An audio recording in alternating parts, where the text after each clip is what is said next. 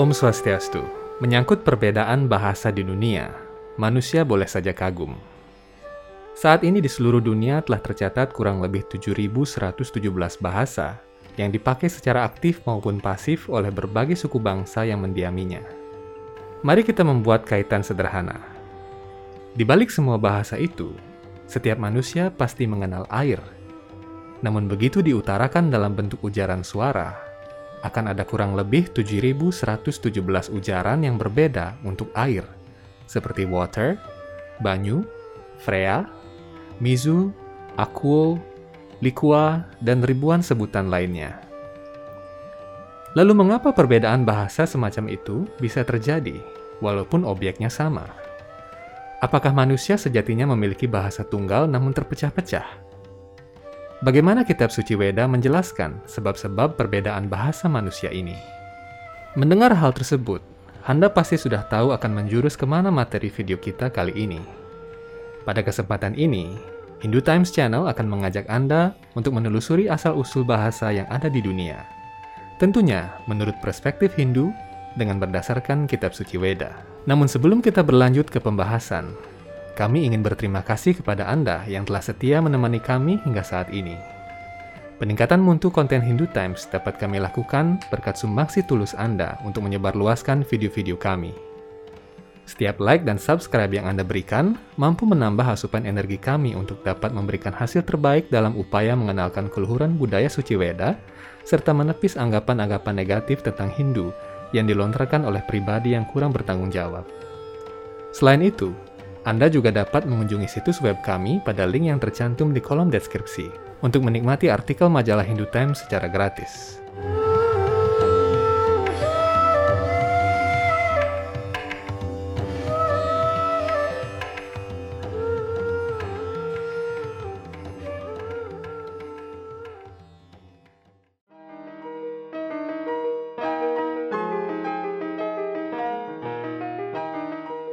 Dasar setiap bahasa adalah urutan suara. Jadi sebelum membahas mengenai makna, mari memahami apa itu suara menurut definisi Weda. Dalam bahasa Sanskerta, suara disebut sabda, sedangkan makna atau objek yang dimaksud oleh sabda disebut dengan arta. Kitab suci Weda Bhagavata Purana, buku ketiga, bab 26, ayat 33 menjelaskan. Orang-orang terpelajar dan yang memiliki pengetahuan sejati mendefinisikan suara sebagai unsur yang menyampaikan gagasan tentang suatu benda, menunjukkan adanya pembicara, dan merupakan bentuk eter yang halus. Berbeda dengan pengertian suara dalam ilmu modern, Weda mendefinisikan suara sebagai arta shraya, atau tempat di mana makna dan objek berada. Oleh karena itu, Kitab suci Weda mengenal sabda dan aksara yang tidak dapat dipisahkan. Aksara atau huruf adalah wujud suara dan merupakan cikal bakal semua manifestasi energi alam semesta. Karena itu aksara dalam hal ini Dewa Nagari adalah benar-benar wujud asli dari sebuah suara. Dijelaskan bahwa pada saat penciptaan, semua huruf Sanskerta keluar dari mulut Dewa Brahma bersamaan dengan terciptanya sabda atau suara. Karena itu huruf-huruf sesungguhnya bersifat sakral dan suci, dan masing-masing aksara memiliki kekuatan atau sakti. Maka dari itu, orang-orang tua di Bali sering kali menuturkan bahwa jika salah menulis, aksara-aksara tidak boleh dicoret. Kata-kata yang salah hanya ditambahi huruf acak agar tidak bisa dibaca. Sabda yang berurutan secara sistematis disebut bahasa atau bahasa. Srila Baladewa Widyabhusana, seorang guru kerohanian agung dari garis perguruan Weda Brahma Sampradaya, menyebutkan bahwa pada tingkatnya yang paling murni, suara memiliki bentuk atau wujud. Dengan kata lain, dalam kondisi yang murni, tidak ada perbedaan antara suara dan objek atau makna. Keadaan murni seperti ini ada di dunia rohani dan diinsafi oleh orang-orang suci yang telah tercerahkan. Sebagai contoh, apabila Anda haus lalu menyebut kata air, maka Anda tidak bisa merasakan air itu secara langsung. Namun dalam kondisi sabda yang murni di dunia rohani, kata air telah memiliki semua makna, objek, dan atribut air secara utuh. Sehingga Anda akan segera dapat merasakan segarnya air pada saat yang sama ketika Anda mengucapkan kata air. Bahasa dalam tingkat murni seperti ini disebut parawak atau bahasa dalam level rohani. Bahasa rohani ini adalah bahasa atma atau bahasa roh.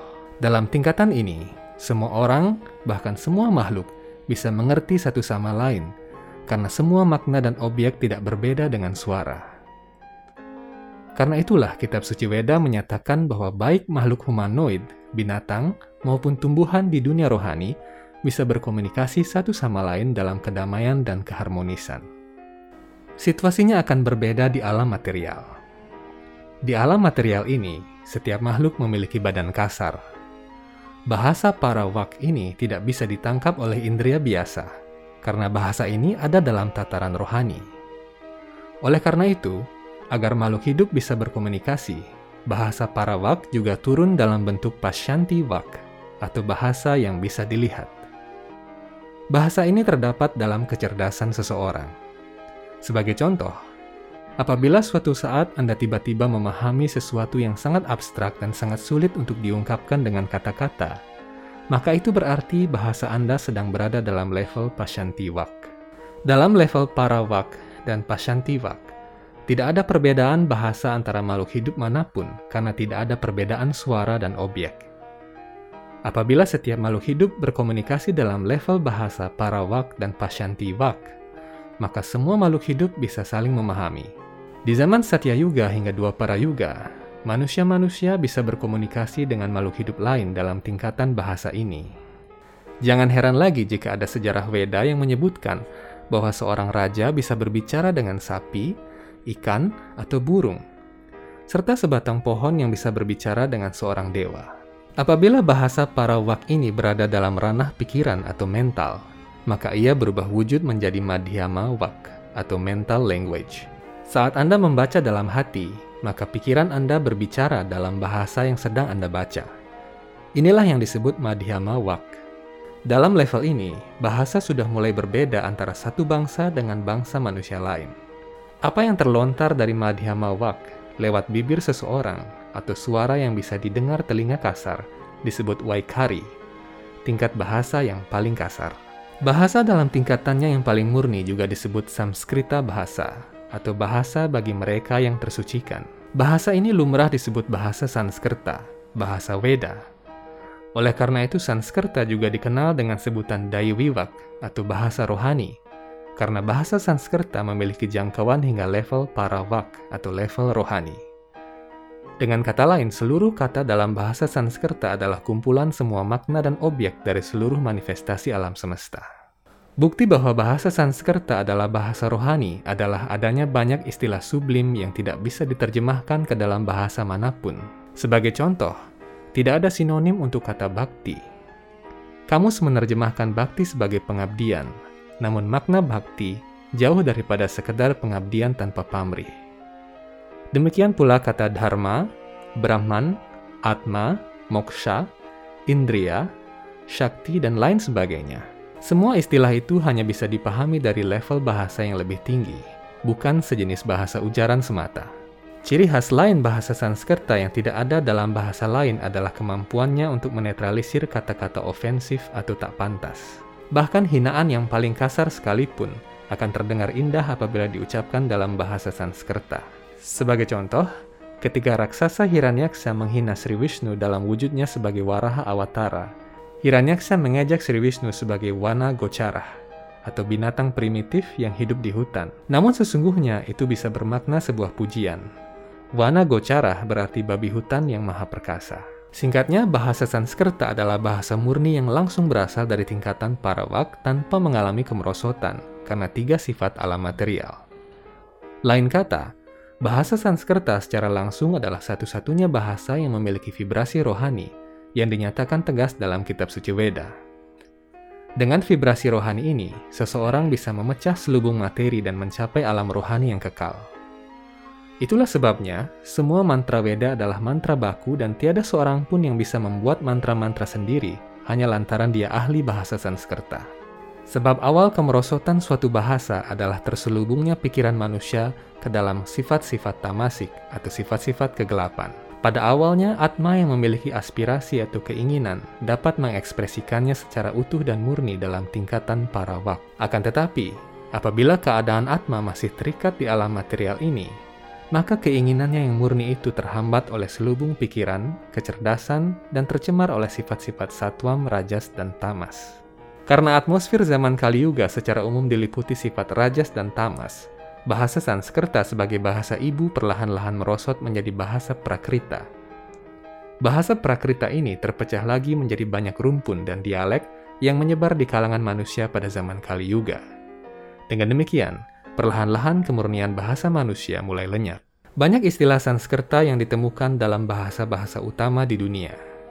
Kata Sanskerta sarpa atau ular contohnya, menjadi kata serpentinus dalam bahasa Latin dan serpent dalam bahasa Inggris. Kata dasar agni atau api menjadi ignus, yang berarti menyala dalam bahasa Latin, dan menjadi ignite atau menyalakan dalam bahasa Inggris, dan banyak lagi contoh yang lain.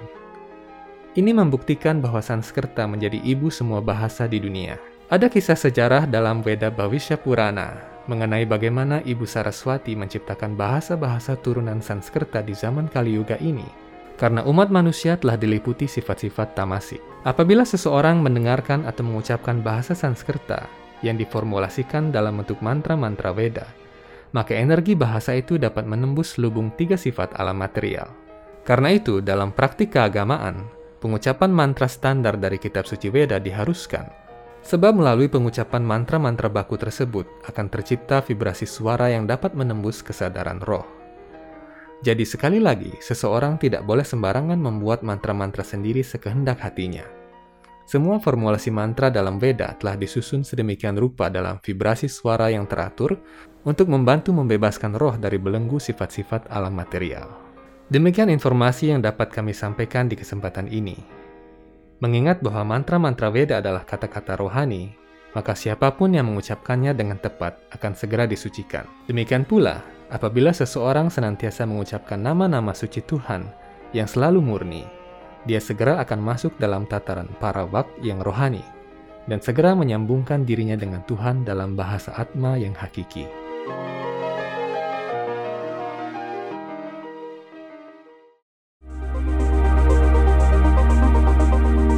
Sampai jumpa di episode-episode Hindu Times Channel yang akan datang. Tentunya dengan butiran mutiara-mutiara pengetahuan suci Veda yang semakin berkembang dan menarik untuk diikuti. Semoga Hindu senantiasa dapat menjadi cahaya yang terang dan menjadi teladan bagi kedamaian, keharmonisan, kesucian, dan keberagaman dunia. Om Santi Santi Santi Om.